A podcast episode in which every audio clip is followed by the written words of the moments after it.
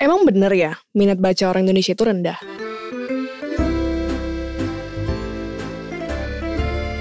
Hello everybody, I am Olive Hatim and welcome to Olive and Lives, a podcast hosted by me, supported by Soundlit Studio, where I'm gonna be talking about a lot of things in our life. So yeah, let's get into the podcast. Halo semuanya, kembali lagi di Olive and Lives. Sekarang kita masuk ke episode pertama, di mana aku akan membahas suatu topik yang udah sering banget aku bahas di mana-mana. Jadi, I hope you guys won't get bored of listening me talking about literacy.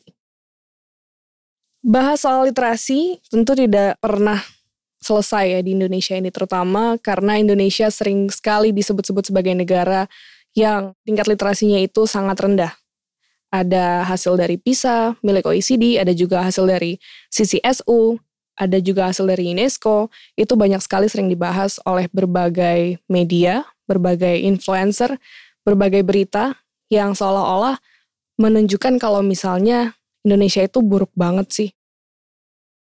Nah, aku sering sekali dapat pertanyaan yang datang dari orang-orang ketika aku mengisi acara, mengisi talk show, atau bahkan di DM Twitter atau Instagram, gimana sih caranya biar suka baca buku? Sebetulnya dalam menjawab pertanyaan itu, aku juga bingung karena kegiatan membaca buku sendiri itu merupakan sebuah rutinitas yang udah aku jalani sejak aku kecil. Jadi aku bukan seseorang yang uh, gak pernah baca, kemudian tiba-tiba aku suka baca dan menjadi pegiat literasi. Jadi aku melihat kegiatan membaca buku itu sebagai bagian dari hidupku udah kayak aku lihat makan dan minum aja. Jadi sehari-hari aku udah pasti bakal baca buku. Bahkan kadang-kadang aku suka bercanda kalau misalnya baca buku itu bagi aku kayak ibadah. Karena aku lebih sering baca buku dibanding ibadah. Oke, jadi gimana caranya suka baca buku? Karena banyak sekali teman-temanku yang mungkin ketika sudah dewasa mereka belum terbiasa membaca buku karena misalnya tidak dibiasakan oleh keluarganya sejak kecil um, agar dekat dengan buku yang biasanya aku sarankan ke mereka adalah cobalah kelilingi diri sendiri dengan orang-orang yang suka baca karena lingkungan itu sangat-sangat berpengaruh terhadap kebiasaan kamu dalam membaca buku. Oke, mungkin aku butuh sharing, harus sharing sedikit dulu. Aku suka baca itu sejak kecil, jadi sejak umur 3 tahun aku sudah bisa membaca. Secara autodidak aku juga lupa gimana ceritanya karena orang tua aku bilang aku tiba-tiba sudah bisa membaca. Mungkin karena aku dulu sering nanya ini huruf apa, ini huruf apa, sampai akhirnya di umur 3 tahun aku sudah dekat sekali dengan yang namanya buku-buku bacaan. Memasuki SD, aku mulai kenal dengan yang namanya novel atau buku-buku fiksi. Jadi uh, aku nggak dekat dengan buku fantasi dulu, tapi aku sudah uh, lebih dekat dengan yang namanya novel uh, dulu itu aku suka baca kecil-kecil punya karya. Kalau teman-teman ada yang pernah baca juga. Terus aku mulai masuk ke teen lit.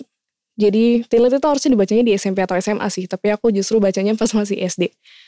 Terus dari teen lit aku mulai berpindah lagi ke kumpulan cerpen. Lalu ke novel-novel.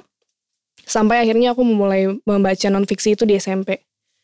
Jadi banyak yang gak percaya kalau misalnya aku udah baca dunia Sophie itu di SMP. Tapi tentu pemahaman aku waktu SMP dan sekarang udah jauh berbeda ya. Nah, buku Dunia Sofi itu sendiri dulu aku temukan di rak tanteku. Dulunya aku dilarang untuk baca itu, tapi kan semakin dilarang, aku semakin penasaran dong. Jadi aku, akhirnya aku baca buku itu, terus aku kemudian menemukan this curiosity inside of inside of me, di mana aku kemudian jadi penasaran dengan hal-hal lain yang datangnya dari bacaan. Jadi bisa dibilang kesukaan aku dalam membaca itu datangnya justru dari bacaan-bacaan yang udah aku lewati sebelumnya. Makin banyak aku baca, makin banyak aku sadar kalau ternyata aku nggak tahu apa-apa. Nah, balik lagi nih ke pertanyaan di awal tadi. Emang benar minat baca itu rendah? Dari survei-survei yang pernah aku baca, sebetulnya mereka itu nggak ada yang benar-benar membahas soal minat baca. Jadi kebanyakan itu hanya membahas tentang tingkat literasi di suatu negara. UNESCO sendiri mendefinisikan literasi sebagai the ability to identify, understand, interpret, create, communicate, and compute using printed and written materials associated with varying topics.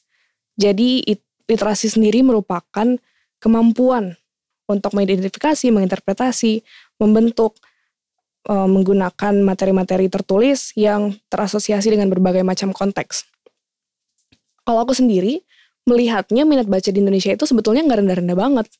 Tapi yang rendah itu adalah pemahaman akan literasinya itu yang memiliki banyak sekali faktor-faktor serta variabel-variabel yang menyusunnya. Terus, gimana caranya agar minat baca itu tinggi? Nah, ini yang sebetulnya menjadi PR kita bareng-bareng nih. Gimana sih caranya biar kita lebih suka dengan kegiatan membaca? Karena membaca sendiri itu akan berhubungan dengan problem solving kita masing-masing di kehidupan sehari-hari. Makin banyak kita baca, makin banyak kita paham akan sesuatu, makin gampang juga nih kita bakal memecahkan masalah-masalah tertentu. Nah, biasanya yang aku sarankan ke teman-temanku yang ingin bisa rutin membaca adalah temukan dulu bacaan yang benar-benar kalian suka. Misalnya kalian sukanya kumpulan cerpen, ya udah baca kumpulan cerpen aja dulu. Atau misalnya sukanya novel yang genrenya fantasi, ya nggak masalah. Baca aja dulu. Aku aja sekarang masih sering baca Harry Potter. Aku masih sering baca buku-bukunya Rick Riordan. Karena aku merasa ya nggak ada yang salah dengan suatu bacaan. Kalian nggak harus selalu langsung baca buku-buku non-fiksi, buku-buku kuliah, buku-buku filsafat. Itu bisa nanti-nanti aja kok. Karena bacaan seseorang itu pasti akan selalu bertumbuh. Misalnya, aku dulu kan suka baca KKPK tuh pas aku masih kecil. Lalu aku pindah ke teen lit. Dari teen lit aku baru pindah lagi ke kumpulan cerpen yang agak serius dikit. Dulu itu aku suka pertama kali kumpulan cerpen itu adalah miliknya Senagumi Raji Dharma dengan judul Sebuah Pertanyaan Untuk Cinta. Dari situ aku cari lagi nih buku-bukunya Senagumi yang lain. Terus aku ketemu lagi kumpulan cerpen yang lain. Dari kumpulan cerpen, aku pindah lagi ke novel yang lebih panjang. Novelnya Andrea Hirata, Laskar Pelangi, Sang Pemimpi. Lalu aku pindah lagi ke buku-buku non-fiksi, buku-buku filsafat. Nah, kalian juga bisa lakukan itu di kehidupan masing-masing kalau misalnya mau ya. Karena nggak semua orang harus baca buku-buku yang sudah dibaca oleh banyak orang. Kalian nggak harus baca buku-bukunya Yuval Noah Harari, kalian nggak harus baca buku-buku yang serius dan dibaca oleh semua orang, dan sedang viral misalnya di Twitter atau Instagram, karena belum tentu kalian suka itu.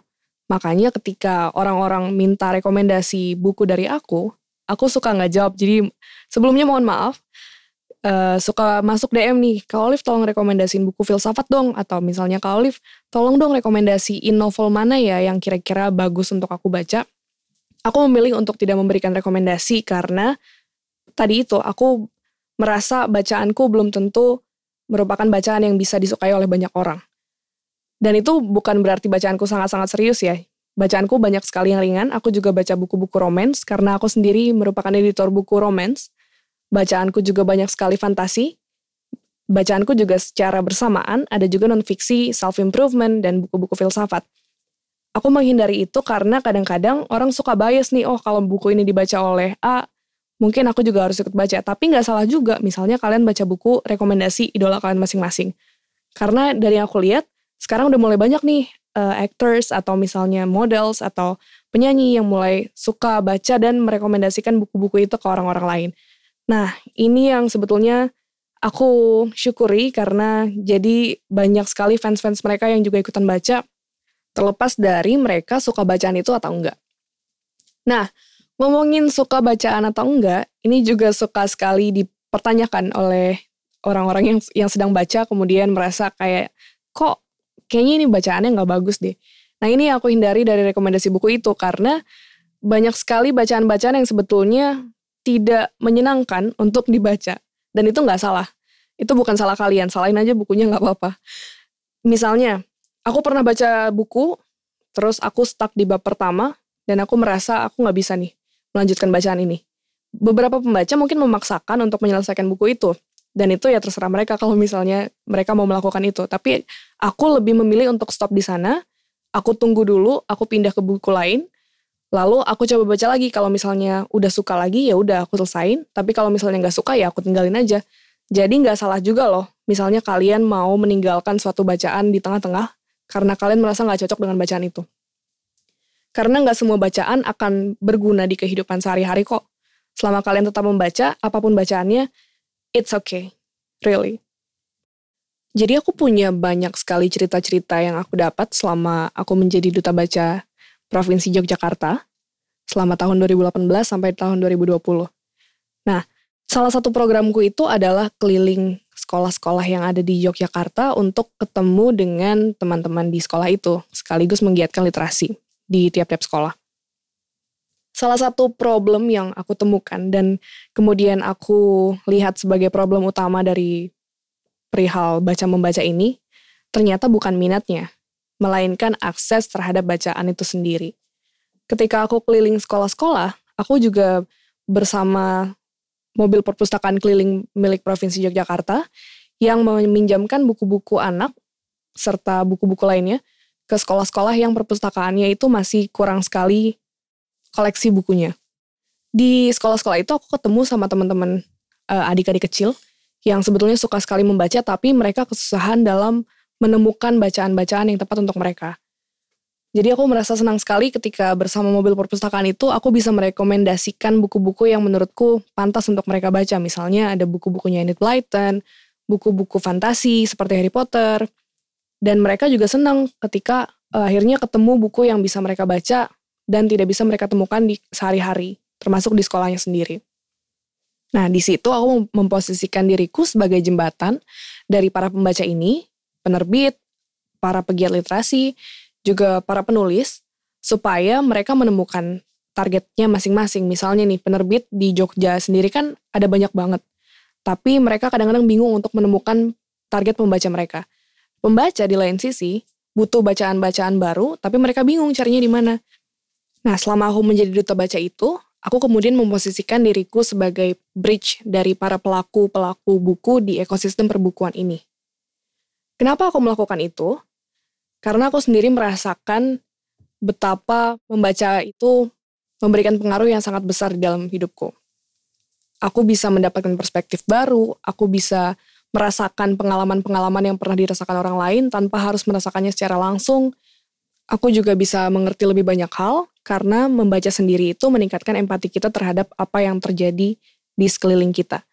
Misalnya, aku nggak perlu merasakan apa yang terjadi di tahun 1965 karena aku sudah pernah baca bukunya Leila Hudori yang berjudul Pulang. Aku juga nggak perlu merasakan pengalaman-pengalaman di tahun 98 karena aku sudah tahu isinya dari cerita-cerita pendek yang ditulis oleh Senagumi Raji Dharma. Dan masih banyak sekali buku-buku lain yang memberikan gambaran akan konflik-konflik kemanusiaan yang bisa membantu kita dalam mengambil sikap. Karena sepertinya problem-problem yang berkaitan dengan HAM itu akan selalu ada ya. So that's why I really think that reading is important. Because it's more than just an activity. It can affect your whole life. Itu bisa mempengaruhi kehidupan kamu secara keseluruhan. Nah, itu sedikit ceritaku tentang pengalamanku dalam berkenalan dengan bacaan. Kalau kalian gimana? What do you guys think? Kalau kalian punya cerita-cerita yang juga bisa dibagi, tanggapan atau komentar mengenai topik kali ini, kalian bisa langsung sampaikan melalui DM di Instagram aku at olivehatim atau Instagram podcast ini at olive and lives. Kalian juga bisa request topik-topik lain atau narasumber yang bisa aku undang untuk aku ajak ngobrol di podcast-podcast selanjutnya. Terima kasih sudah mendengarkan. Sampai bertemu di episode selanjutnya.